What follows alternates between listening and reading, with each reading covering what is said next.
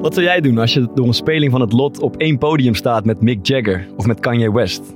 Wat zou jij doen als je ineens staat te tennissen tegen Roger Federer of te basketballen tegen Michael Jordan? Wat doe je als je in de catacombe ineens naast Lionel Messi staat? Probeer zijn blik te vangen of zijn hand te schudden? Boezemt hij angst in of alleen maar bewondering? Pak je hem aan op het veld uit bewijsdrang of heb je ontzag en deins je terug?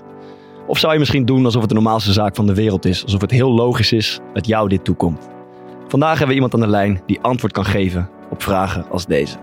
Maar eerst nemen we gedrieën de week door met de mannen van de Core Podcast. Goed om jullie weer te zien. and it went like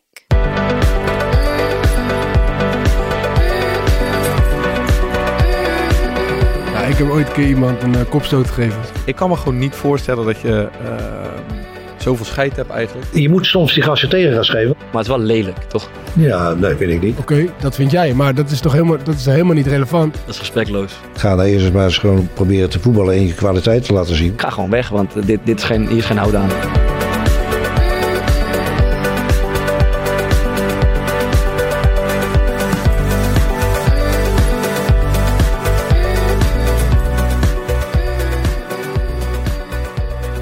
Wat doe je als je ineens naast Mats Hummels staat? Dan vraag je zijn shirtje. en dan krijg je hem ook nog. Ja, mooi. Wat zou jij doen als je ineens naast eh, Mick Jagger op een podium staat? Me heel Dan is erg dan- afvragen dan wat is het daar gelopen. dan is het daar gelopen. Ja, Goed, eh, hoe is het? Hoe staat het ervoor? prima. Jij hebt, eh, ik dacht dat we negen punten hebben gehaald, maar ik weet eigenlijk niet wat jij hebt gedaan. Sparta heeft gewonnen, Ja, maar- Stedoekoe heeft gewonnen. Sowieso, broer. En Maar- VOC heeft... Excelsior heeft verloren en eh VOC heeft ook verloren. Oké, nou dat zijn toch zes uh, schamele puntjes. Ja. Maar jij, jij was aandachtig toeschouwer bij uh, tegen ba of Barendrecht tegen Stedoco. Barendrecht Stedoco. Ah, tweede helft. Ik, uh, ik heb de eerste helft even overgeslagen. Mm -hmm. Ben de tweede helft gekomen, dus ik heb Fokkert geen één uh, goal tegen zien krijgen. Helaas. nee, nee. Hij, hij, je keepte vrij aardig, moet ik zeggen. Je pakte één uh, hele goede bal. En, uh, en verder uh, deed eigenlijk bijna niks fout. Een paar goede uittrappen ook.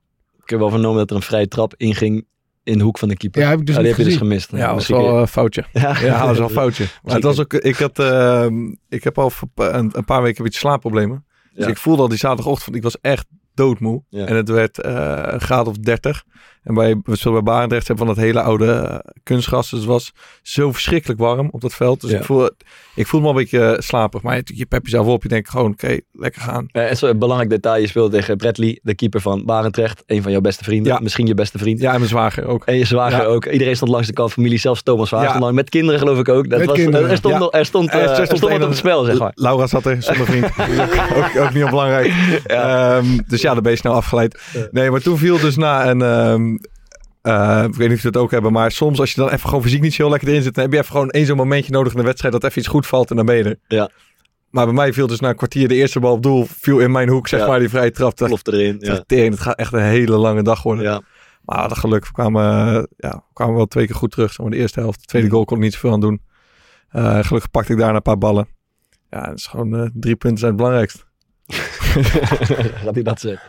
Dat is zo mooi. Bij de 4-2 ging ik even naar hem kijken, zeg maar, hoe hij juichte. Ja. ja dat is fantastisch. Ging hij zo op zijn knieën zo zitten, zo, zo met zijn ogen dicht. Zo nee, hoezo ja, man? En ogen dicht, dat kan je niet zien van joh. Dat, dat heb je weer bij verzonnen. Hij ging op zijn knieën zitten. Hij zat dat zo op zijn knieën zo. En toen ging hij zo met zijn vingers zo naar, naar boven. maar die vingers is mooi. Ik zei tegen Vaar ook, we moesten bij Sidoco van die gifjes opnemen. Ja. En dan moest ik er dus één opnemen als ik een penalty pak. Ik heb, ik heb denk ik toen ik 16 was voor het laatste penalty gepakt. Maar dan moet je, ja, wat ga je dan doen? Dan heb ik maar zo gedaan, zo met mijn mijn gezicht was en dan mijn vingers naar boven. Ja, in, in het griffie. Ja, dus als ik een penalty pak bij Sudoku, dan kom ja. ik op dat gigantische scherm. Oké. Okay. Hoezo je gezicht was? Ja, weet ik niet. Dat is maar een beetje zo'n ding wat wij... Uh... De Moenero Andoui. Ja, een beetje de Andoui. Ja, maar waarom deed je dat dan op het moment dat jullie de 4-2 maakten? Daar heb ik niet echt een heel goed antwoord op van eigenlijk. oh, ja, een beetje uh, gewoon, gewoon opluchting. Ik was moe. Ik dacht even, even lekker gewoon. Mooi man. Mooi, dat, uh, Oké, okay. ja. goed. Zat ik heb nog, ja. ik wil nog even uh, ook één vraag zeg maar, over, die, over die wedstrijd. We hebben het wel eens vaak over Brett gehad. En Brett een beetje... Uh, ja, ik word nog wel eens neergezet, uh, onterecht vind ik, als een driftkikker. Ja. Maar Brett is ook een driftkikker. Mm. Dus die kreeg op een gegeven moment, uh, na de... Wij scoorden de 4-2, een paar minuten voor tijd, kreeg het dan de stok met onze spits. Ja. dat werd... Het liep niet echt uit de, uit de klauwen of zo, maar het wel een beetje onaardig. En, um, maar zij kregen na de wedstrijd zeg maar, toen iedereen al gedoucht was en alles, ja. ging dat nog een soort verder. Ja. Maar wat vinden jullie dat je na de... Stel als iemand ehm, in de wedstrijd echt iets doet bij jou wat je gewoon niet flex vindt. Zoals over je zus beginnen. Bijvoorbeeld, Zo, ik zeg ja. maar eens over je zus beginnen. Of je uh, bepaalde niet uitschelden. Ja. Of, ehm, eh, of je zomaar beuken. Die hem gewoon zus is. Ik heb niet eens een zus, man. Oh. Ehm, maar mag je daar... Zeg maar, vinden jullie dat het na de wedstrijd gewoon altijd zand erover is? Of dat er ook een soort van grens is ehm, die over kan gaan. Dat je dan na de wedstrijd geen, niet gewoon even lacht en elkaar een hand geeft. Ja, dit, dit is wel een grens. Wat is die grens voor jou? Nou, ik heb ooit een keer iemand een eh, kopstoot gegeven. Echt? Ja. eh, Ja, dat begrijp ik dat hij niet na de wedstrijd... Ja. Nou, dat vind ik wel Ja. over de grens heen. Hoezo? Wat, Ja, geef jij ja dat was heel bizar. Hij was echt eh, in, in een wedstrijd tegen Nieuwkerk. Kan ik me nog goed herinneren. Je hebt een veel te net hoofd om een kopstoot mee te geven. Nee, is ook helemaal niks voor mij. Maar, Hij heeft ook de- een keer met een hamer, wist je nog? Dat je dat hij wat aangaan. Nee, maar ja, was echt in de vlaag van... eh, ik, ik, had ook echt, ik heb ook echt je. spijt van, moet ik eerlijk zijn. Maar ik, ja, er, er was gewoon, zeg maar... Ik kreeg die wedstrijd veel schoppen. En ik vond Ja. dat die scheidsrechter mij niet eh, beschermde. Dat is, dat is, hoe- zo ging het eigenlijk wel wekelijks eh, bij de amateurs. Dat, dat jij vindt dat je niet beschermd wordt. Nee, ja, dat ik veel schoppen kreeg vooral. mhm. Dus dat, dat was gewoon daar zo. En op een gegeven moment eh, zag ik, zeg maar, toen wa- was een omschakelmoment geweest en die bal die ging weer naar ons. Dus wij waren weer, zeg maar, allemaal terug aan het lopen. En die scheids die had zich ook omgedraaid. Toen dacht ik, ja. En die gast had me net weer een schop gegeven. Toen dacht ik, ja, nou, is klaar. En toen gaf ik zo op zijn achterhoofd. Dat nog? Hoe dan? Ja. Met je voorhoofd tegen zijn achterhoofd. Zo, Toen niet zag. zo. Ja, echt fucking ziek. Met En, toen liep ik gelijk weg, ook echt hard. En toen dacht ik, wat doe ik nou joh? Toen wilde ik mijn excuus gaan aanbieden. Maar ja, dat kan natuurlijk niet als je net een... eh, Nee, dan, moet je, je, dan moet je in de rol blijven. Dan Ja. moet je heel boos blijven. je kan niet, je nee, kan je niet kan sorry gelijk sorry zeggen. zeggen. Nee. De scheidsrechter had het niet gezien. En Nee, toen eh, na de wedstrijd kwam die gozer me nog eh, een soort van opzoeken. De- Ja, werd hij weggehouden. Maar ik begreep wel dat hij nog vrij boos is. Ik, ik ben hem nooit meer tegengekomen. Ik denk dat hij nog steeds boos is en terecht ook. Maar heb je dan, wat jij zegt, als je, dat, dat heb ik dus ook wel eens gehad, dat je dan zo'n schandalige overtreding maakt op training. En dat je eigenlijk gelijk spijt hebt, maar je moet dan Je moet in je rol je blijven. moet in die rol blijven. Dat Training hoeft dat niet. extreem Maar ongemakkelijk. na, na vier, vijf minuten kan je wel erop terugkomen, vind ik. Maar normaal gesproken zijn maar vrijwel alle ruzies die je hebt in een wedstrijd. Die zijn na het fl- fluitsignaal gewoon, weer, eh, gewoon weer weg. Eens. Opgelost. Ja. ik was mijn kinderen al weg aan het halen. Ik denk, die moeten dit niet zien. Ik Ja, jongen, er loopt stonden, er, er twee gasten van twee meter. Ik zag ineens, dat gaat niet goed. Ben ik er maar even Die tussen gingen, alle, die gingen allebei niet naar achter stappen. Nee, Oké, man. spreekwoordelijke sisser afgelopen.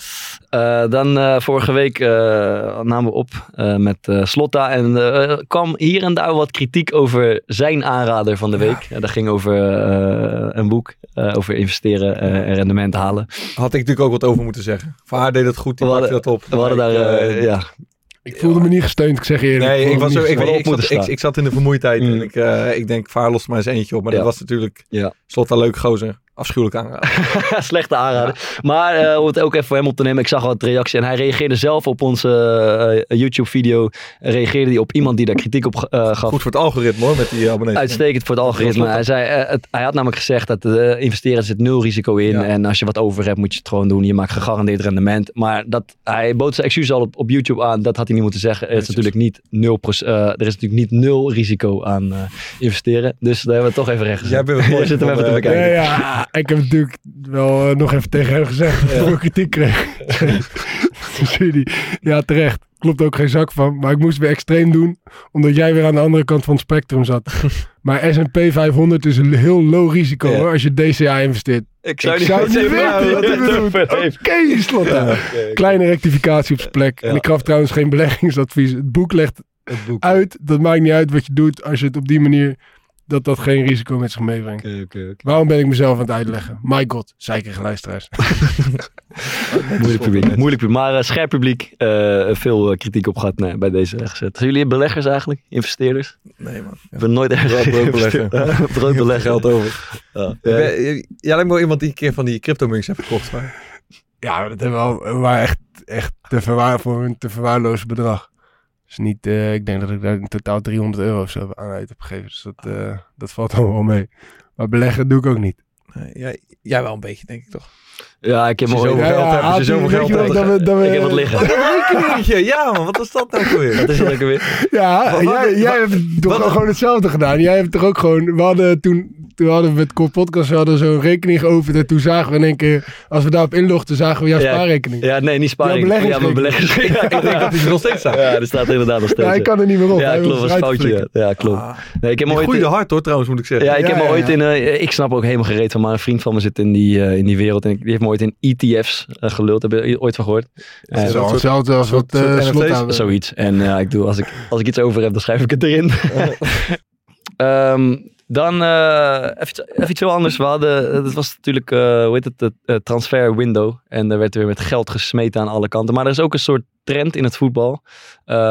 waarbij clubs en speler elkaar een beetje in gijzeling houden. Of chanteren. Is dat een trend? ik weet niet of het zou kunnen. Ik heb het, ik heb het vaak gelezen. Laat ik een voorbeeld geven. Eh, Anthony die weigert te trainen omdat hij met een transfer bezig is en eigenlijk gewoon dat er doorheen forceert. Eh, Strand Larsen bij Groningen. Eh, hetzelfde verhaal. Komt niet trainen, want die wil gewoon weg.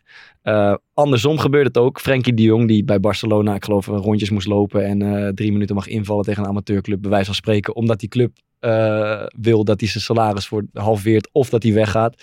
En zo gebeurt, eh, zo houden die eh, clubs en spelen elkaar een beetje in gijzeling richting het eind van de transferperiode. Eh, en ik dacht, overigens bij Sparta ook een speler die, die ook weg moet, eh, te horen gekre- gekregen heeft dat hij weg moet. Traint dan niet meer mee. Maar we gaan 11 tegen 11 spelen, moeten rondjes lopen bij de Mag wissel. je wel de warming-up zo meedoen? Gewoon Ja, maar gewoon spelen dan een oefenwedstrijd. ko- komt helemaal niet op de. Eh, komt helemaal niet het veld op. Weet je, omdat, en dat is overduidelijk. En dan voel je, en ik spreek er met de jongen over. Ehm, eigenlijk wil hij blijven. Maar als dat een week duurt of twee weken duurt. Ja, dan op een gegeven moment kan je niet anders meer dan weggaan. Dus het heeft wel een soort effect. het heeft effect. Ja, ik bedoel, het is, dat is zo demotiverend als je gewoon weet, oké, kom, ze hebben nu twee nieuwe spelers voor mijn positie gehaald. Ik had willen blijven, ik heb een goed contract hier, maar ik ga gewoon weg, want dit, dit is Mm. geen, hier is geen houden aan, zeg maar. Dus de club eh, heeft nogal invloed op de toekomst van de speler, maar andersom doen spelers het ook bij clubs. En toen dacht ik, is dat, ja, we hebben dat maar te accepteren, hoort dat nou eenmaal bij de sport? Ja, een heel saai antwoord is natuurlijk dat je een soort van allebei een contract aangaat. En dat je daar maar gewoon aan dient te houden. ja, Eh, maar ik vind het, ik zeg maar vanuit puur spelersperspectief. Ja. Ik kan me gewoon niet voorstellen dat je ehm, zoveel scheid hebt eigenlijk. Ja. Dat je bijvoorbeeld gewoon thuis blijft. Ja. Ralf vertelde dat verhaal toen ook. Dat hij, wat was het, volgens mij vier weken of zo thuis gebleven. Was- Of gewoon, dat, telt, je, eh, je hebt dat wel vaker gezien. Dat, dat, dat jongens eh, bijvoorbeeld in de winterstop weg willen en dan niet mogen. Ja. En dat ze dan gewoon niet, die melden zich gewoon niet voor het trainingskamp. Ja, zeg ja. maar zonder iets te, Ja.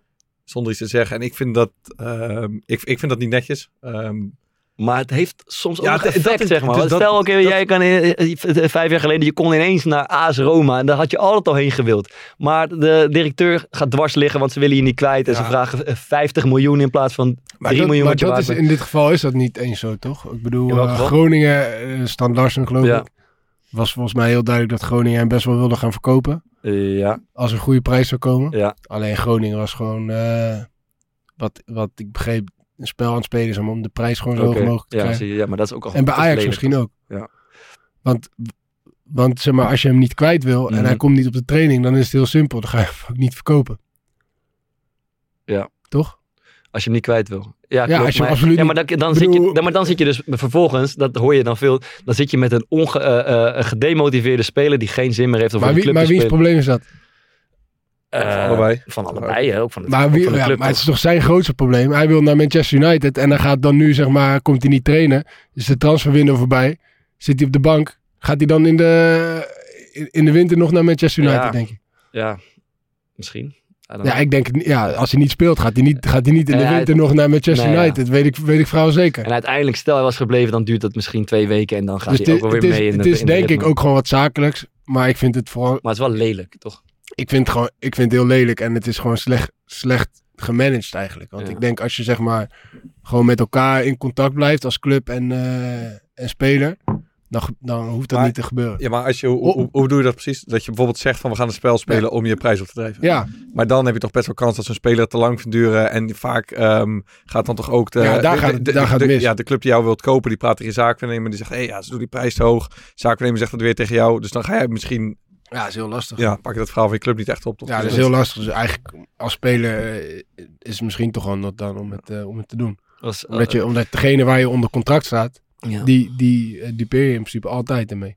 In alle gevallen. Eh, Ik had even zitten denken, vanuit de speler is volgens mij een oplossing is dat je gewoon standaard een gelimiteerde transfersom in je contract laat opnemen. Waarbij, waar de club tevreden mee is en de speler tevreden mee is. Ja. En over, bijvoorbeeld, je tekent voor drie jaar, jij bent de clubleider, jij doet dat met je volle verstand, ik doe dat met mijn volle verstand. We spreken bijvoorbeeld af, oké, gewoon een schappelijke prijs, 8 miljoen of 10, ik zeg maar wat. En dat is gewoon, dat is Ja. wat we afspreken met elkaar, daar houden we ons aan voor de, hele, voor de duur van het hele contract. ik heb er best veel moeite zeg maar, mee dat je hoort vaak spelers toch zeggen op het moment dat een club komt die iets, iets bieden, Ja. dat ze zeggen van ja, ik vind dat het een, eh, een mooi bedrag is en, eh, en, ik, en, ik, en ik vind het bizar veel geld dat ze voor me willen geven, alleen de club gaat er niet mee akkoord. Ja. Oké, dat vind jij, maar dat is toch helemaal, dat is helemaal niet relevant. Ik bedoel, jij tekent een contract voor een bepaalde duur, Ja, jij krijgt je geld altijd, ja. maar je spreekt niet af voor, voor ja, wat je zegt, je spreekt geen gelimiteerde transfersom Nee. af. Dan moet je in principe, heb je geen poten om op te Nee, staan. maar dus dat zou heel veel problemen eh, schelen. Als je met elkaar afspreekt van dit, dit wordt, eh dit wordt maar, de maar ik, ik denk ook wel dat het zo is, zeg maar, als een club jou haalt en eh, of je wil een speler hebben en die heeft al een keer zeg maar, zijn kont zwaar in het krip gegooid Ja. Omdat hij weg wilde, Ja. zou ik als club wel nadenken van ja, eh, wat dadelijk als hij het heel goed gaat doen en hij wil weg en eh, we denken Ja, ik denk dat, dat gevoel heb ik ook altijd, dat het op je afstraalt, zeg maar, speler. uiteindelijk wel, maar ja.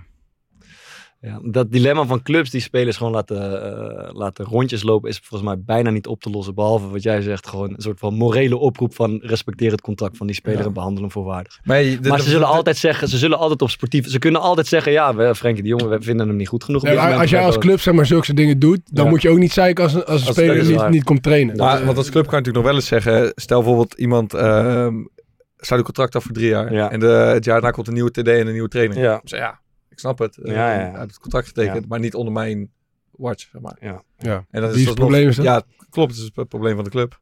Maar ik snap ook dat je als trainer, je bent aan de ploeg aan het bouwen. En als je denkt, ik hoef hem niet erbij te hebben in de 11 tegen 11. Maar misschien straalt het ook uit op, eh, eh, af op andere spelers als je ziet dat het een succesvolle strategie is. Eh, om gewoon even je kont in de krip te gooien en toch een vijf dagen later Ja, eh, getransfer- het gebleken. getransfereerd wordt naar de club waar je graag heen wilde. Ja, dan gaan andere spelers hetzelfde doen. Dus ja, dat is bij Ajax wel gebeurd. Dat is wel echt een zootje geworden. Ja. Maar daar hebben ze wel eh, een poot stijf gehouden. Ja. Nou goed. Jij fantastisch gecommuniceerd deze zomer. Komt geen club. dat ik ook Er komt er geen hond. Ja. Ja. maar wachten, ja, ja man. Terug, terug realiteit. Ehm, ja, verder iemand nog iets, eh, iets kwijt? Iets van het hart?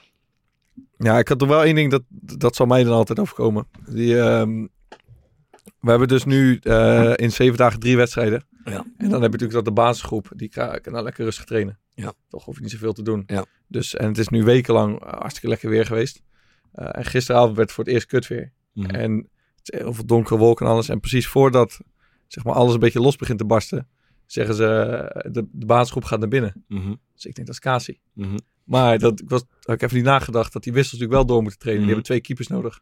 Maar ja, er zijn natuurlijk maar twee keepers. ja, Dus stond ik daar weer met mijn pijnlijke liezen in een of andere donderbui gisteravond. En toen Ja. moest ik gelijk weer een beetje jullie denken dat ik dacht van ja, dit zal mij nou altijd overkomen. Dat dat ik dan nooit Ben- iedereen, gaat lekker naar binnen. Ben je, ben je niet meer op de bank? Ben je Ja. het mannetje, belangrijke speler. Ja, Ben ik nog in die keepers. kut trainen waar, ik niet wil zijn. Ja, ja, ja, ja, mooi. Ja. Ik Ah. denk dat het ook de rest van je leven blijf je dit soort dingen achtervolgen. Ja.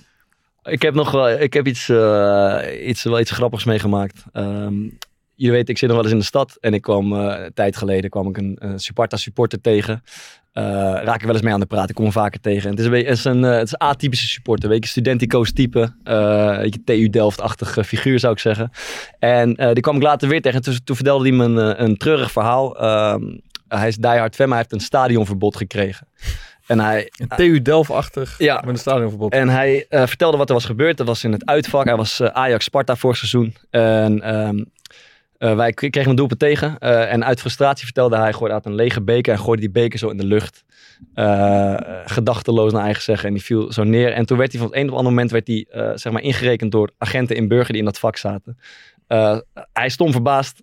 Stadion uit. 18 maanden stadionverbod gekregen. En een boete van 500, 600 euro. Ehm, hij is er echt van ontdaan. Eh, omdat zeg maar, Sparta zijn lust en zijn leven. En te meer ook omdat hij ging altijd met zijn vader daarheen. Zijn vader is ernstig ziek. Is nog een treurig verhaal. Dit was het moment voor hun om samen eh, naar het stadion te gaan elke keer. Dus wat doet hij? Hij, doet een hij deed een beroep op mij. Eh, hij vroeg, Bart, zou je niet iets voor me kunnen betekenen? Zou je niet een, eh nadat, ik heb binnenkort een afspraak met de terugcommissie, zou je niet een brief kunnen sturen? Je kent me nu een beetje. Eh, ik ben er kapot van. Hij liet me het hele verhaal lezen. En ik dacht, ik was vakantie, ik was in Colombia, ik had een uurtje over. Ik dacht, weet je wat, ik geloof die gewoon, ik, ik help hem wel. Ik ga, dus ik stuur een brief, geen idee waarom, maar ik stuur een brief naar die terugcommissie van beste meneer en mevrouw. Dit en dit verhaal. Ik ken deze jongen redelijk goed. Het is een hele beschaafde, weldenkende jongen. Ehm, als ik het verhaal zo hoor, hij is echt Die kapot ook geen van... bekertjes in de lucht gooien. Eh, dat is waar. Hij is er kapot van. eh, ik ben er ook door geraakt. Dus misschien is het niet mijn plek. Maar ik zou toch willen vragen om de zaak nog eens te heroverwegen. Want 18 maanden is wel veel voor zo'n incident en bla bla bla. Dus dit heb ik gedaan. Ik weet eigenlijk niet precies waarom. Maar ik dacht, ik had, ik, het voelde goed. Ik krijg je nee zeggen. Ook dat. En ik, eh, ik, vond het, ik was een beetje geraakt door zijn verhaal. Hij was er van ontdaan. En toen, ik was het helemaal vergeten. eh, maandenlang. En toen kwam vorige week kwam iemand van eh, Sparta, van de club, naar me toe. Die zegt, Bart, heb jij nou een brief geschreven naar de terugcommissie voor iemand met een stadionverbod? Ik, ik schrok een beetje, weet je, want ik dacht van, ah, kut, ik was vergeten. Dat heb ik Dus ik gedaan. gegeneerd zei ik van, ja, ja klopt man, eh, ik geloofde in zijn onschuld, zegt hij. Dus echt gewoon camerabeelden dat hij volle bak een biertje smijt in dat uitvak. En ja, vind je het gek dat hij een stadionverbod is? Zal hem nog langer moeten geven. Dus het is allemaal, opge- dus het is allemaal opgenomen. Je bent zwaar opgelicht. Ik ben, nou. erin, ik ben erin getuind. Mijn brief heeft geen effect gehad. 18 maanden voorkomen terecht. Want ik weet nog wel dat we het hierover hadden. En volgens mij zei ik ook, maar wat nou als hij als hij liegt? ja, dat, dat, dat is dus blijkbaar allemaal vastgelegd. Jezus Christus.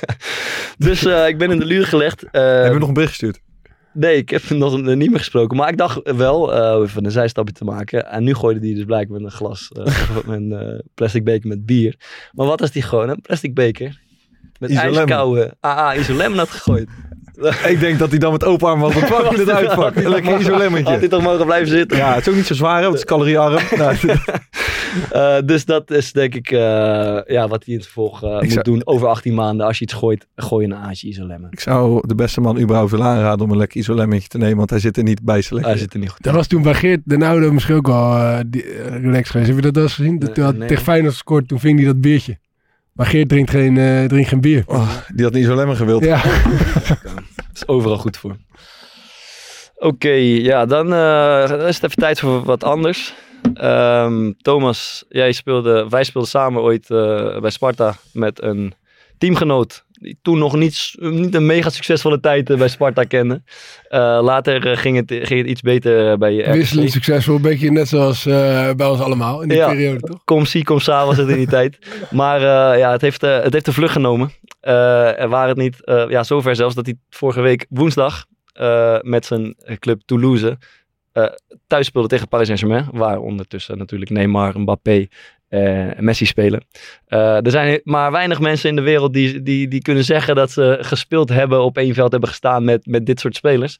En Stijn Spierings is daar eh, ondertussen één van.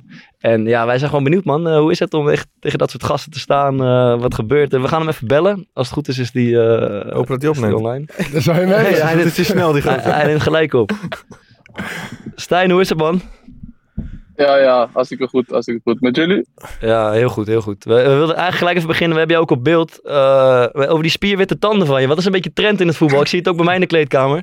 Jongen, die tanden worden elke maand een beetje witter. En ik zie dat bij jou ook eh, het geval is. Hoe, hoe werkt dat? Wat is dat? We zijn met Dirk Kuyt samen naar de tandarts gegaan. En, en nog belangrijk, wat, kost het? Ja, als je er een beetje bij wilt horen tegenwoordig, dan eh, moet je witte tanden hebben. Dus eh, ik ben net zoals elke voetballer, ik doe gewoon mee met, eh, met de trend. Het is een beetje het nieuwe eh, Louis Vuitton toilettasje. Nou, die heb ik niet, die heb ik niet. Dus dan, eh, dan kan ik die afstrepen en dan heb ik mooie tandjes. Maar zijn het die, zeg maar, die eh, Dave Roelvink afgeslepen puntjes waar je dan facings op hebt gezet? Of is het gewoon bleken? Of hoe, hoe werkt zoiets? Nee, nee, nee. Ik heb eh, facings, dus het zijn niet... eh, ik heb ze er niet afgehaald. Ik kan, ik kan, ze, ik kan nu naar de tandarts gaan en dan kan ik, eh, kan ik het er weer uithalen, zeg maar, als ik dat zou willen. En, dan wat, dus er, eh, en wat, wat er dan overblijft, dan eh, s- springen de tranen in je ogen. ja, goed. ik heb het niet voor niets genomen. Ik heb het niet voor niets genomen. Dus, eh, Oké, man.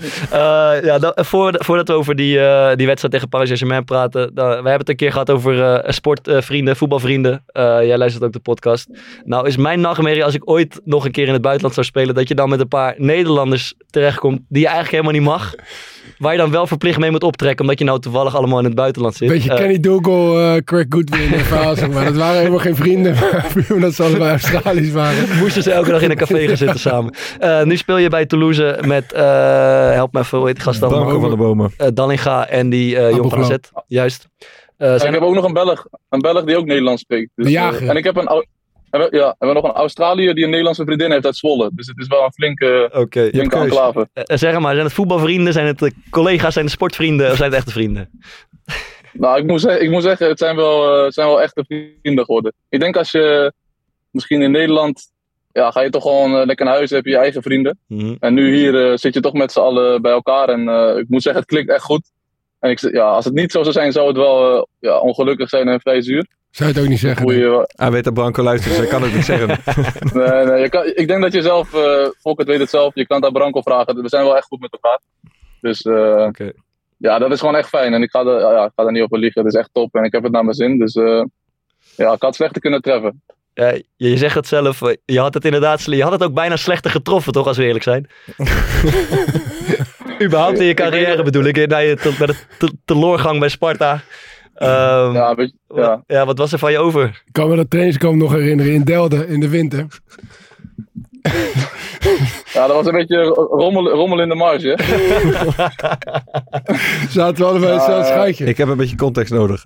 ja, ik dacht we, de, we degraderen en eh, ja, dan kan ik eindelijk eh, een vol seizoen gaan spelen. En toen na de voorbereiding eh, ja, hing de vlag er toch heel wat anders bij. en toen eh, mocht, ik- mocht ik op kantoor komen bij eh Henk van Stee, volgens mij. En die zei van, eh, ja, het is allemaal leuk en aardig, maar eh, het is even te weinig allemaal. Dus eh, je mag uh, trans transfervrij op zoek naar, eh, naar wat anders. Ja. Het werd toen dat dan- Spakenburg, toch? Ja, dan staan de clubs niet in de rij. Maar, maar wat, eh, ja, wat ik, kan me herinneren dat je er bijna, zeg maar, ja, je was er eigenlijk bijna klaar mee, toch? Je, je had het allemaal wel gezien.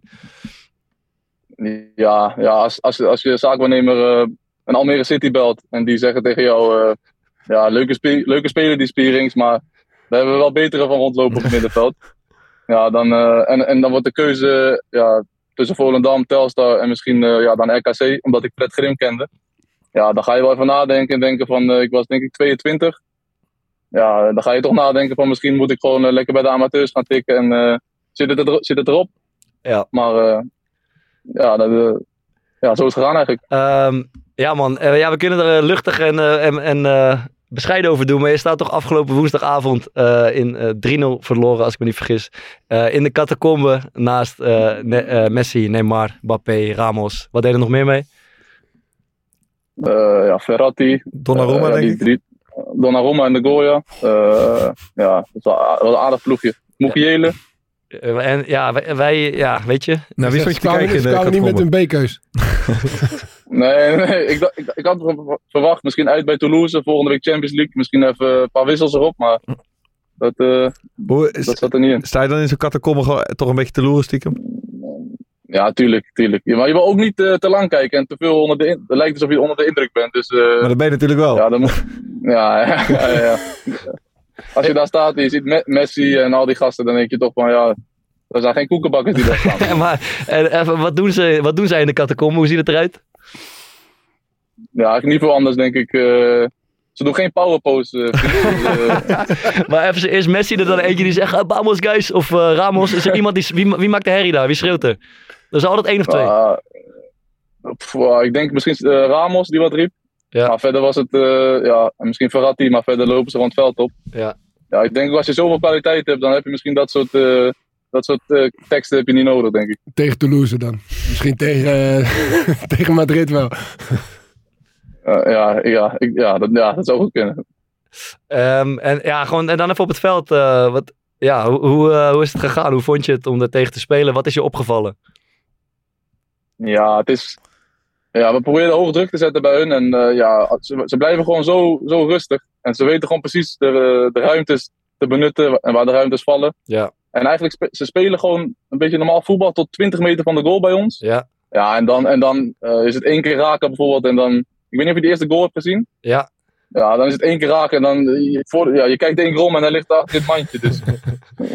ja, Eh, ben En, je, ja, ja, ook gewoon eh, Mbappé die wordt aangespeeld, die, ja, die neemt de bal gewoon niet, die neemt er gewoon niet verkeerd aan. Elke bal ligt goed en ja, neemt, neemt goede beslissingen.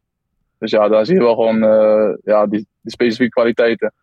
I- Is er nou nog een moment geweest dat jij dacht van, nou, die Spierings die is helemaal niet zoveel slechter dan die, eh, dan, dan die Messi of die, die Verratti. Ja, ja, je merkt wel gewoon dat, je, dat, dat, je, dat zij gewoon een stuk beter zijn dan jij. Maar ik denk als je. Ja, ja, ik- ja je moet gewoon eh, proberen zo dicht te houden. En dat is het. Maar als je op het veld staat, heb je niet het idee van. Hij vond eh, het zo zou niet, zo, daar- niet zoveel slechter, hè? Ah, Hij dacht dat hij mee kon. Ja. Ja, misschien één potje, maar eh, een heel seizoen niet hoor. En eh, ben je überhaupt nog in duel geweest met een van die gasten? Nou, ik heb één keer de bal eh, afgepakt van Messi. Daar heb ik een mooie foto van, dus die krijgt eh, een mooi plekje boven, boven het bed. Ben je daarna gaan speuren eh, op internet na afloop? Je hebt van die websites tuurlijk. toch? Eh, gewoon, Ja, gettyimages.com, Speedings en Messi. Dan krijg, dan krijg je hem gewoon op je beeldscherm. Ja, ja, ja. ja. Maar ik heb hem ook naar iedereen doorgestuurd die ik in mijn lijst had. Ja, ik, heb, ik heb hem ook gekregen. Ja, stel, stel, stel dat Fokker dit, dit, dit had gedaan, dan had hij waarschijnlijk gehad dat daar geen foto van gemaakt was. Ja, dat zou ik sowieso hebben wat. Of hij stond heel slecht op. maar wie, Ja, dat is ongelukkig. wie, wie vond je het ziekste van van al die gasten? Ja, ik denk, op het veld vond ik Mbappé eigenlijk, eh, vond ik het beste. Maar ja, bijvoorbeeld Messi, ondanks dat hij nu al eh, ja, wat minder snel is en alles, je ziet gewoon, die heeft alles in de gaten gewoon. Ja. Dat is gewoon zo bizar. Hij is zo klein en maar hij heeft de bal. Hij, hij maakt zich gewoon niet druk. Ik denk ook dat hij niet gezweet heeft. Die eh, speelt een potje en die gaat lekker naar huis. Echt, echt niet normaal. Hey, en toch, ik denk dat de meeste voetballers eigenlijk zouden doen, ik waarschijnlijk ook, alsof het de normaalste zaak van de wereld is. Misschien om geen gezichtsverlies te leiden of om gewoon ja, te doen alsof het... eh, eh, ja, je, wat je zegt, je moet ook niet als een soort schooljongen daar rondlopen, maar voelt het ook echt zo alsof het de normaalste zaak van de wereld is? Mm, als je op het veld staat uiteindelijk wel. Ja, Want je bent, ja, je bent, het, blijft, het blijft 11 tegen 11. Je bent gewoon een wedstrijd aan het spelen. Ja. Maar ja, je merkt, je merkt, ja, je, het grote verschil is gewoon dat je merkt, je weet als je druk op hen zet, dat ze daar veel makkelijker on- onderuit spelen. Dus Ja. je bent wel on- op het veld ben je ook wel onder de indruk van, het, van de manier hoe zij samenspelen. ja. Maar uiteindelijk is het wel gewoon een, een wedstrijd. En je probeert wel ook niet te veel eh, ontzag voor ze te hebben. Want anders, ja, uiteindelijk, ja, uiteindelijk heeft dat ook geen zin. Dus je probeert er gewoon een best van te maken. En dan daarvoor en daarna kan je wel denken van zo. Ja. En dan is het moment meer om te genieten. Maar tijdens de wedstrijd eh, is dat niet per se zo. Eh, heb, jij, heb jij wel eens met Sparta ook meegedaan tegen Ajax of zo? Of, of, of PSV uit of Feyenoord uit?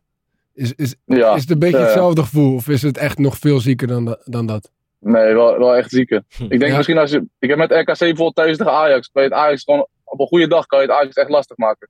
Dat gevoel had ik nu niet. Oké. Ja, heb je- heb je nog een shirtje gevraagd na afloop of eh, vo- voelde dat niet als, jouw eh, als jouw plek? Ja, ja. Dus, maar de, shirt- de, de shirtjes die ik wilde, die waren al, die waren al vergeven. Dus Je was, eh, was je te de laat? wedstrijd maar proberen. Dus welke heb je? Ja, ja. Heb je geen Ik heb niks. Ik, wil, ja, nee, ik wou alleen die ik wilde. En als ik die niet had, dan. eh, Wie heeft Messi Dan gepakt dan? ja, jouw vriend. Ja, Echt dat gepakt? van de bomen. Ach, ach, ach. is overal te laat alleen bij het shirtje van Messi rijden. ja, man. Oké, man, eh, Stijn. Eh, ja, we zijn er even bijgepraat. Ja, Spreek je later. Thanks voor het bellen. En, is goed. eh, Rustig aan. Goeie uitzending, man. Yo. Toch heb ik dat soms ook in, eh, zeg maar, als je tegen Ajax of, of Feyenoord of, of PSV speelt of zo, zeg maar. Zo goed is het ook weer allemaal niet. Laat ik Nee, zeggen, het is nee. eigenlijk, dat, is- misschien klinkt het raar hoor, maar het is, als je, als je, het is ook goed op te lossen, zeg maar. Je wordt niet zomaar, Nee, ik snap nee, dat de- wordt- deze gasten zijn krankzinnig goed hoor, maar het is niet, zeg maar, Nee, maar als je alsnog gewoon... maar 3-0.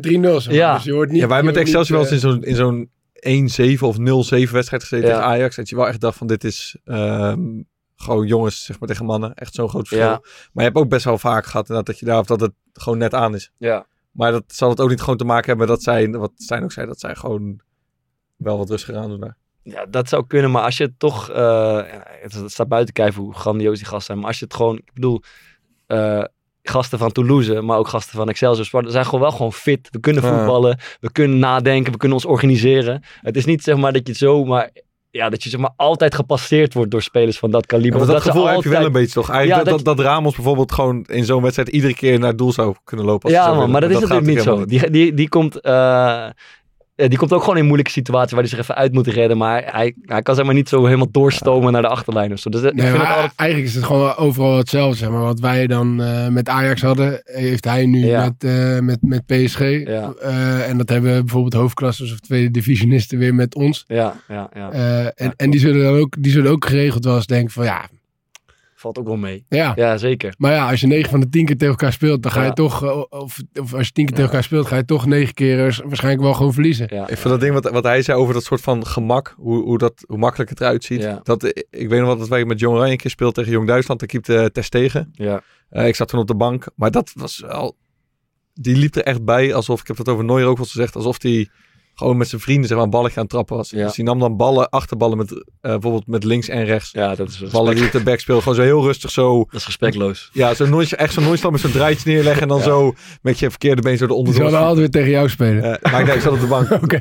Maar dat, eh, dat is volgens mij wel... in ieder geval daar, ik kan daar wel gefascineerd door zijn. Ja. Dat je gasten ziet die het zo makkelijk lijkt af te gaan. Ja, ja, ja. Wat is de beste speler waar tegen je hebt gespeeld? ja ik zat er vanmiddag even aan te denken. Het is een beetje... ehm, Royce. Nou, ja, kijk, ik heb bijvoorbeeld natuurlijk tegen Van Persie gespeeld of tegen Depay en, en, en Kuit en Marco Reus en zo. Maar in die specifieke wedstrijden vond ik dat niet zo heel erg bijzonder. Nee, Maar ik heb bijvoorbeeld een hele lastige dag gehad tegen die Bertrand Traoré, die toen nog bij Vitesse speelde. Waanzinnige speler vond ik dat. Zo vaardig en snel en handig en alle keuzes goed. Eh, Casper Dolberg bijvoorbeeld van Ajax had dat ook. Die heeft zeg maar, mm, hij heeft niet twee wapens, maar vijf wapens. Krachtig, vaardig, technisch, slim. Best wel energiek ook nog. Ehm, en, en je hebt ook veel spelers die bijvoorbeeld heel goed kunnen koppen of aardig kunnen dribbelen. Maar er is altijd iets wat er ontbreekt. Ja. Waardoor je eh, misschien zelf eh, op dat punt overwicht kan hebben. Maar mm, ja, dat, dat waren denk ik de spelers van, van niveau die ik te noemen heb. Ik Jullie? denk eh Rabiot. Ja, Dat was bij, dat was bij Jong Frankrijk dan. Ja, die speelde waardoor het... Maakt niet uit hoe je druk zet. Het leek gewoon altijd alsof zij één man zeg maar over hadden. Ja. Omdat die gast eigenlijk... Maakt niet uit wie de druk van hem zette. Het leek alsof daar zeg maar niemand op stond. Ja. Dat hij iedere keer de goede kant op draaide. Of altijd de goede... Ik, ik heb daar wel eens aan zitten denken. Als je, zeg maar, als je een rondo speelt Ja. en je staat in het midden, dan. maar Je zet altijd, er is een moment dat je het fel druk gaat zetten. En dat doe je volgens mij altijd bij spelers van wie je het groot gevoel hebt dat je wel eens de bal zou kunnen Ze afsnoepen. zetten bij Ja. mij nooit druk man. Maar er zijn spelers bij wie je dat, zeg maar, als je dat twee keer doet, die, jou, die onder jouw druk uitspelen. En die, waardoor je dus moet omdraaien, terug moet en een stuk moet lopen om die bal weer terug te halen, snap je? Ja. En die creëren daarmee voor zichzelf dat je een beetje op afstand, gaat, eh, op afstand blijft. Ja, dus ze ja. creëren voor zich, En ik denk dat, dat die Rabiot dat ook heeft. Hij Ja. creëert voor zichzelf, omdat er waarschijnlijk twee keer geprobeerd is om vol druk te zetten. Frenkie de Jong doet het uitgekapt. Frenkie de Jong doet dat ook. En daardoor hebben ze een soort meer, iets meer tijd en ruimte die ze zelf hebben gecreëerd. Ja, dan ga je niet meer ik weet dat jou, jouw trainer nu, Ma- Maurice Stijn, die zei eh, tegen Clint Leemans in de rust Ja. tegen Jong Ajax dat hij nou een keer kort moest zitten op Frenkie de Jong. Ja. Ja, Pak hem eens aan. Ja, ja, Ja, zit eens wat korter, zit eens wat korter op hem. ja man. Maar dat is natuurlijk niet te doen. Nee. Ik heb ook wel eens de vraag gehad, maar, wie is de beste speler waarmee je ooit Ja. samen hebt gespeeld? Oké, ja. En toen zei ik altijd eh, Michel Breuer. Maar, maar wat, wat, dat, dat vond ik zeg maar, in, Ja. mijn, eh, in mijn goede periode degene die het beste was. Ja. Maar toen bedacht ik me later dat ik ook nog met Virgil van Dijk bijvoorbeeld heb samengespeeld. Hij kent jou, hij kent jou niet Hij meer. heeft jou een keer Waarschijnlijk, opgehaald of zo. Je reed toch wel, jullie reden met elkaar mee op het busje, maar dat heeft hij ook nee, ik, ik reed altijd met zo'n busje met allemaal gasten uit Rotterdam. Reden we altijd vanuit Rotterdam naar, eh, naar Tilburg, een stuk vijf gasten. En als hij dan zijn trein gemist had, dan, eh, dan werden we altijd gebeld of we hem ook nog even op eh, Breda Centraal konden oppikken. Dat is vaak gebeurd. Maar nu weet hij niet wie je bent. Dat is Hè? wel lul. Ja, ik- dat, ik dat- snap, dat weet je nooit. Ja. Eh, zeg maar, eh, eh, je, je bent geneigd Maar die ga je te niet zeggen doen, ja. onder van wie je het meest onder de indruk was. Maar je was Ja. niet zo onder de indruk van hem in die Nou ja, hij periode. was, wel, goed, hij was ja, wel echt goed toen. Ja. Maar ja, d- niemand had toen Nee. gedacht zeg maar, dat hij de beste verdediger van de wereld zou worden. Eh, Ik, eh, toch even, als je zo in die catacomben staat. ehm, dan ga, tenminste, volgens mij gaan we allemaal doen alsof het de normaalste zaak van de wereld is. Ja, op, Eh. op maandagavond, dan moet je ook wel. Als je met de jongens staat. je Nee, als je, tegen, Nee, nee. als je naast Messi Ah, en Messi. Mbappé en Neymar. Maar die man is letterlijk de beste voetballer die ooit Ja. geleefd heeft. Maar Dus er is toch ook geen ruimte voor eh, eh, bewo- Nou, maar- maar- bewondering op dat moment. Ja, dat is. Maar, Want je gaat toch ook gewoon proberen om van ze te winnen. ja Ik zeker. bedoel, maar dat- Je bent gewoon bezig met een spelletje.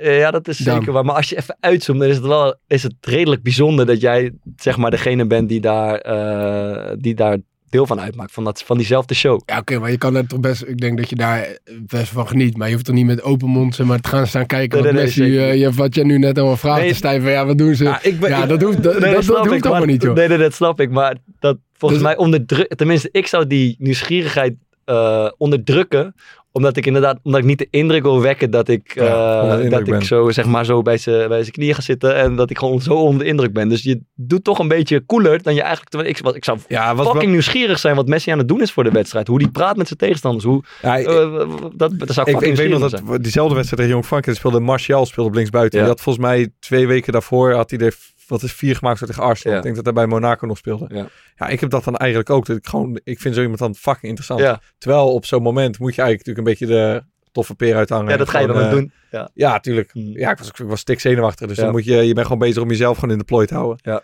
Eh, maar ik heb dat eigenlijk ook wel een beetje. Dat je dan eh, misschien wel te nieuwsgierig bent. Gewoon naar of ze ook normaal zijn. ik denk van ja, wij staan er nu en ik heb maandag met, eh, op Scotterwold gespeeld met Jong Heerenveen. Ja. En jij hebt twee weken geleden Arsenal uitgeschakeld in Ja. de kwartfinale van de Champions League.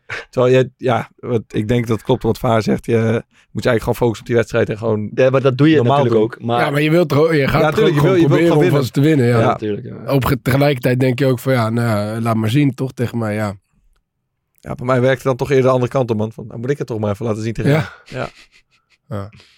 Ja, man. ik, Ik zou, als, als ik nog één, eh, één iemand met, met wie ik dan samen heb gespeeld, Vincent Jansen. Ja. Die had, ehm, als je het over één iets heel specifieks hebt, zeg maar afwerken met Ja. twee benen. Ja. Eh, als wij gingen, dat gewoon het afwerkspelletje gingen doen, dat je eh, inspelen, kaatsen en van iets buiten 16 schieten. Had ik bij hem, zeg maar, dat is denk ik de enige speler ongeveer ooit. ehm, en misschien Mark Oet ook een beetje, maar waar je echt het idee had van, ik ga, deze ga ik niet pakken. Nee. En die er dus echt veel meer scoorde dan dat hij er, dat hij er miste. Ja, ja, ja. ja. Hey, Is, wat denk je dat het... eh trainde hij daar dan dagelijks Ja, ik op? weet dat hij was dat, is dat gewoon... eh, Ja, hij heeft daar bij Feyenoord in, ik denk dat hij wel aan heeft gehad, maar bij Feyenoord in de jeugd weet ik wel dat hij daar echt krankzinnig veel op getraind heeft. Ja, ja, ja, ja. Eh, want hij woonde toen samen met twee andere gasten eh, daar en die hadden volgens mij verder niet zo heel veel Ja. te doen. Dus die, die stond altijd op, de- op goal te rachen na de training. Ik heb overigens nooit begrepen waarom niet alle spitsen dat doen. Want het is super leuk om te doen. En het is fucking effectief als je elke dag 40 ballen op goal ramt. Dus, eh, maar goed, Vincent Janssen. Is er iemand tegen wie je had willen spelen ooit in je leven? ja, Messi. Daar zou ik ook op uitkomen. Zidane had ik ook gruwelijk gevonden trouwens. Materazzi had ik wel cool. Ja, hoezo? Dat vind ik zo, ook zo'n indrukwekkende kerel. Del Piero had ik ook mooi. Lekker gek. Eh, Die Han- Hans Mulder en die eh, Stijn eh, Hoeven. Stijn Hoeven, ja, die hebben gewoon samen met Del Piero gespeeld. Dat vind ik zo dat is in mooi. India. of zo? Ja, Ja, ja, ja, een paar maanden gezeten. Ja, echt bizar. Ja, ja, ja. Maar die, ja, was, toen was hij echt al stok oud, denk ik. Ja, maakt niet uit. Ja. En d- daar was die, eh, je had ook die Nederlandse, die Belgische trainer daar. Harm van... Veldhoven, Ja. Veld van Harmo. Veel van Harmo. Ja, dat zei Hugo toch Ja. Veld van Harm. Maar eh, oké, en tot- tot slot misschien, heb- is er, eh, wat is het meest uh, adembenemende wat je een speler hebt zien doen in een wedstrijd waar jij bij was? Ik, ik heb me wel eens echt drie keer op rij zwaar verkeken op de snelheid van eh, Justin Kluivert, zeg maar. Wat deed jij daar? Oh ja, dan keek nee, ik ja, aan dezelfde ik, kant ik, ik was zelf niet zo eh, Ja. snel. En hij, zeg maar, in het terugschakelen, dat ik de bal kreeg en dat ik dacht van, nou... Ja, ik kijk altijd zeg maar, of, of ik ruimte heb om, Ja. eh, om dan gewoon zelf te gaan dribbelen. Ja. Maar gewoon drie keer, zeg maar, dat die op een plek was waarvan ik dacht van, nee, daar kan je nog, daar kon, daar kon je toch nog helemaal niet zijn. Dus ja, dat... Ken, eh, Quincy Menig nog? Ja, Ja. zeker man. Dat is echt een gigantisch talent in de Ajax-jeugd. Mhm. Die zat in mijn lichting. En wij speelden toen een keer een wedstrijd uit bij Ajax. Ja. Ehm, veel minder team. Wij stonden we 1-0 voor in de rust. Ja. En zij gingen letterlijk even gassen, zeg maar, de tweede helft. Ja. Ik denk dat hij de 1-1 maakte. Maar hij kreeg de bal, denk ik, op 5 meter of zo van de goal. Ja. En ik weet nog dat ik mijn, op een bepaalde manier of zo mijn doel verkleinde. Omdat hij een lichaamsschijnbeweging maakte. Ja. het is gewoon een wonder dat mijn kruisband erin zit. ja, ja, hij was echt bij jullie, bij jouw lichting, zeg maar, de, de, de gigant. Of had je Ja, je had, meer, er, je had eh, een aantal. Het, het wisselde soms een beetje per jaar. Maar op dat moment was hij echt, echt een slangenmens, man. Niet normaal. Wie, wie was Ik bij denk jou? Ricardo eh, Kiesna was misschien de allerbeste. Ehm, dat waren denk ik eh, Jeffrey Bruma, eh Jason Cabral, eh, Ricardo van Rijmans ook goed. Dat waren denk ik een beetje de, de mannetjes. Ja, Filena en Ake waren bij ons dan. Dat is fijn. Wie was bij, wie was bij jou? Ja, bij jou. eh, Geert Arend Roorda was in die A-competitie het mannetje. Ruud Vormer. Eh Jermaine Lens was het toen ook nog. En eh, dan vergeet ik nog eentje. Eh, ja, Siem de Jong zat er ook bij. Maar ja, Geert Arend Roorda was wel echt het mannetje van de A-competitie. Hadden ook dat dan die eh Zakaria Bakali van PSV. Die speelde dan een lichting hoger. Ja. Maar die deed ook bij de jeugd gewoon letterlijk waar hij zin in had. Die had zeg maar net zoals Robben. had gewoon altijd dezelfde actie. Hij kwam Ja. naar binnen en hij schoot hem in de verre dat lukt altijd. En dat lukte altijd. Ja, ja. We, we hadden ook nog Marco Arnautovic. Die speelde toen bij Twente in de A1. Dat was ook, eh, die werd toen eh, die werd kampioen. Ik ben een keer in de eerste minuut van de wedstrijd PSV Go Ahead Eagles, denk acht keer op rij gekapt door Jorginho Wijnaldum. in de eerste minuten. Dat is echt bizar. En ik kwam wel elke keer terug, zeg maar. Ja, dat is echt verschrikkelijk, man. En dan moet je, ja, dan kan je de, de zuurstofflessen kunnen aangerukt worden. Dat is echt dat is zwaar, man. Dat is Dat echt is ook geen lekkere start. man. maar was dit, dit was in het eerste. Ja, als het eerste. In mijn herinnering was het zo dat hij kreeg de bal, hij kap naar links. Ik kwam ik er nog net bij, hij kap naar rechts. Ik kom er nog net bij. En dan deed hij gewoon zes keer achter elkaar. En dan zie je op een gegeven moment een soort pirouette. En op een gegeven moment eh lach ik, denk ik. Vaar. Ja. Ik moet toch even zeggen. Wat zie je er goed uit vandaag? Ik hoor het je zeggen. ik, hij maakt een frisse indruk op mij. ook. Ik vind hem ook Ja. uitgerust, zou ik willen zeggen. echt een frisse indruk. Wat is er met je aan de hand? Ik, ik, ik, ik zou bijna zeggen dat ik een boek gelezen heb, maar het komt door, eh, doordat ik eh, iets heb uit... eh, ja, ik, ik heb Hello Fresh uitgevonden. jongens. Hello Fresh. ja, Van die maaltijdboxen. ja. Wat ja, dan? ja, dat is echt top. Ehm, vriendin blij, kinderen blij. Echt helemaal top. Ik kom thuis, staat er zo'n maaltijdbox op me te wachten. Ik maak eten. We eten En lekker met z'n allen op. Zelfs jij kan nu lekker koken. Vriend, Want jij ben- kwam voorheen niet verder dan alleen... Lekker, Dat Joop Braak. Kan er zitten, hoor. Ja. ze, ze noemen mij de Jamie Oliver. Van Kralingen. ja, ja, ja. Fresh. ja, zeker door Hello Fresh. ja. Lekker. Het lijkt me ook heel handig voor werkende ouders. Nou ja, vooral voor, werk, voor werkende ouders, maar ik zou het eigenlijk iedereen aanraden. Maar eh, you- you- ik, ik ga normaal gesproken zes keer per dag naar de supermarkt en dan ben ik nog steeds de helft vergeten. En dat hoeft allemaal niet meer. Dus nu kun je lekker dutje doen, koken. Je hebt tijd voor alles. Fantastisch. Hebben we nog een linkje of zo voor de mensen? Ja, we hebben een kortingscode. Eh, check de link in de beschrijving. En dan krijg je tot 75 euro. Ja, je hoort het goed. 75 euro korting. Als je een nieuwe klant bent. En eh, op je eerste vier, vier, vier boxen. Netjes. Ehm, Oké, dan gaan we toch even een rondje aanraders doen om, eh, om de week weer af te sluiten. Thomas. zeg Ja, eens. ik, eh, ja, bij stom toeval was ik, ik was tv aan het kijken. Mhm. En eh, ik stuitte op het programma Scoren in de kelderklasse. Mm, Daan, Z- Daan Blok, hoe heet die gozer? Van, eh, Nee, nee, nee. nee. Sorry. ja. Eh, Wesley Snijder en Andy van der Meijden. Die. Die Wesley. Snijder is ambassadeur van AA ook. Hè? Zag je? Echt? Ja, man. Maar iets komen, man. die, die, die gaan allebei een uh, kelderklasse team coachen. En dan gaan ze tegen elkaar spelen. En dan de verliezer die moet, eh, die, die, die, die moet de opdracht doen of zo. Je hebt het nog niet gezien ook. Hè? Ja, ik heb het gezien. Ik heb die eerste aflevering gezien. Gingen ze met, eh gingen ze met, met Roelof Luigen gingen ze allemaal challenges doen. Zodat ze konden bepalen zeg maar, wie, de, wie er mocht kiezen. Wie verzint dit concept? van Ah, zo ontzettend. Maar ja, ik dacht ook, ik had een, eh, zeg maar, en eh, Frank Lammers, die, die, die doet dan die voice-over, weet je wel. En ik had, ik had die trailer ervan gezien. Toen dacht ik, nou, hier ga ik niet naar kijken. Het stond dus toevallig op. Toen ben ik toch gaan kijken. En ik moet tot mijn grote spijt zeggen dat ik toch een paar keer wel een beetje in de lach ben geschoten. Wat, wat, ze doen helemaal geen eten. Dan gaan ze tegen elkaar, gaan ze kaboutjes uit de goal schieten, weet je wel. En dan schiet Andy van der Meijden, die schiet zes keer de bal over de ballenvanger heen. En, dan- en dan moet, komt, krijg je daarna zeg maar zo'n zo'n eh, exp- Expeditie Robinson, weet je wel, eh, moment dat Wesley Snijder in zijn eentje voor die camera zo daar commentaar over geeft. Ja, en die, eh, die had het niet helemaal meer. En, maar ik, ik moet een paar keer goed in de lach geschoten, moet ik zeggen. Dus, waar is het te zien? Volgens mij RTL 7 of zo. Ik scoorde in de kelderklas met Andy, Andy van, gingen ze met Roelof Luigen samen. Gingen ze, gingen ze allemaal dingen doen. Dat was, dat was best grappig. Dus eh, dat is maar ik vind het ook weer zo mooi. Uh, nou, dan kom ik met een heel serieus uh, kutverhaal. correspondent. Correspondent. Nee, ik heb, uh, ik heb wel een goed boek gelezen. Het heet Nooit meer niet slapen. Uh, ik, net helemaal aan het begin zei ik al. Ik, ik zat de laatste week heb ik een beetje uh, lopen kut eigenlijk met mijn slaap. Um, en ik stond er echt versteld van wat voor invloed dat heeft op je ja, mentale gesteldheid. Uh, en op aanraden van mijn zwager, niet de agressieve Bradley, maar mijn andere zwager. -hmm. die hier vroeger ook last van heeft gehad, die raadde mijn boek aan. Uh, dat ben ik gaan lezen en het is, ja, het is eigenlijk een soort van, het is heel licht geschreven, dus je bent er zo doorheen. Maar een handleiding van over uh, wat er gebeurt als je slaapt, welke processen dan gaande zijn ja. uh, en waar het belangrijk voor is. En vooral ook je leert een beetje te begrijpen waar bijvoorbeeld slecht slapen of pieker in bed vandaan komt. Mm -hmm. en ik heb daar eigenlijk best wel wat aan gehad. Dus van slecht slapen zonder ons. Er ook praktische eh, tips bij? Nou, vooral... Ritueel. Huh? Een ritueel. Ja, altijd kruis slapen als je naar bed gaat. Nee. Ja, dat, wel, nee, serieus, rituelen. En natuurlijk heb je die standaard dingen als niet te veel licht meer, meer doen s'avonds. Maar wat, waar het vooral, um, waar het best veel inzicht in gaf, is dat je een soort slaapschuld opbouwt gedurende de dag. Ja. Um, en als je die al bijvoorbeeld smiddags gaat inlossen, door bijvoorbeeld een dutje te doen of net te lang, of okay. uh, s'avonds om zeven uur even over, uh, ogen dicht te doen, kan je zomaar het volgende moment dat je echt weer lekker in slaap kan vallen, bijvoorbeeld een paar uur opschuiven. Ja. Nou, dat zijn wel dingen die, waar ik zelf wel een handje van heb. Mm -hmm. um, dus ja, er staan een aantal zulke tipjes in. Oké. Okay. Nooit langer dan 24 minuten slapen overdag. Ja. ja, het ging ook veel over uh, slaapapneu en zo. Waar heb je ook weer last van? Ik ben de naam vergeten. Ik weet het ook niet meer. Ah, wacht, Jawel, tering man. Uh, hij, heeft een, uh, hij heeft last van... Tinnitus. Nee man. nee, dat, nee, dat, dat, dat kan. Ah, dit trek ik zo snel. Um, verdomme. Ik heb het gewoon gelezen. Narcolepsie. ik was eerder, ik was eerder. Sowieso, ik wilde- Narcolepsie. Ja, dat is het woord. Oké, man. Eh, En ook tips tegen narcolepsie. Ja? Ja, dat is, eh, mooi, eh, is een mooi bruggetje naar mijn boek. Want het gaat over geheugen en wat we allemaal vergeten. Ik ben een geweldig boek aan het lezen. Het heet Het Geheugenpaleis van Joshua Voor. En hij doet mee aan een ge- geheugenkampioenschappen. Dat zijn van die mensen die duizend cijfers achter de komma van pi uit hun hoofd kennen. En al die 80 kaartspellen eh, kunnen oplepelen en zo. En hij gaat zich verdiepen in, ja, wat is dat geheugen eigenlijk? Hoe werkt het eigenlijk? Hoe kan je het beter inzetten?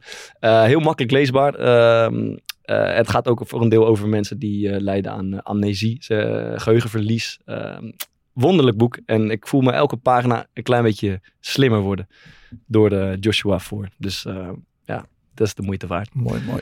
Ehm, en dan gaan we eruit met een liedje. En ik hoorde jou een paar dingen, een, een, een hele matige smartlap neurie eh, voor de uitzending. Nee, en ik vermoed dat dat hem is. dat is de laaierlichter van eh, Gerard Cox. Maar die, dat is hem niet, Dat deze hem niet. Nee, want eh, vorige week had ik natuurlijk wat over Lowlands gezegd. Ja. En ik heb daar fantastisch naar mijn zin gehad. eh, ondanks de mensen die eigenlijk in de agenda hadden moeten staan. Ja. Maar jij vertelde me dat een luisteraar een berichtje had gestuurd over dat ik het totaal niet naar mijn zin had bij een concert van James Blake. Ja. En eh, Je, je, je- er werd gezegd dat jij een uur lang met je armen over elkaar en een geïrriteerde blik hebt zitten kijken Ja, naar James Blake. ik heb eh, met mijn armen over elkaar staan eh, genieten eigenlijk. Vooral, want ik vond het fantastisch. Mhm. En eh, vooral ook omdat James Blake eh, degene was van wie ik het eerste, mijn eerste concert zeg maar, ooit op Lowlands was van eh, James Blake. Dus het eerste concert wat ik heb meegemaakt op Lowlands ooit was in 2012, denk ik, of 2011. Liep ik dat terrein op, liepen we direct naar die tent waar James Blake spe- speelde. En toen speelde hij het nummer CMYK. En dat nummer speelde die eh, afgelopen editie ook weer. Dus eh, ja, ik wil eh, eigenlijk afsluiten met dat nummer. Netjes. Sterk. Dat is die mooi. Dan zijn we volgende week terug. Tabé. Look, I found her. Damn. Red coat. Look, I found her. Look, I found her. red coat. Look, I found her. Look, I found her. Damn, red coat. Look, I found her. Look, I found her. Red coat. Look, I found her. Look, I found her. Damn, red coat. Look, I found her. Damn. Look, I found her. Damn, red coat. Look, I found her.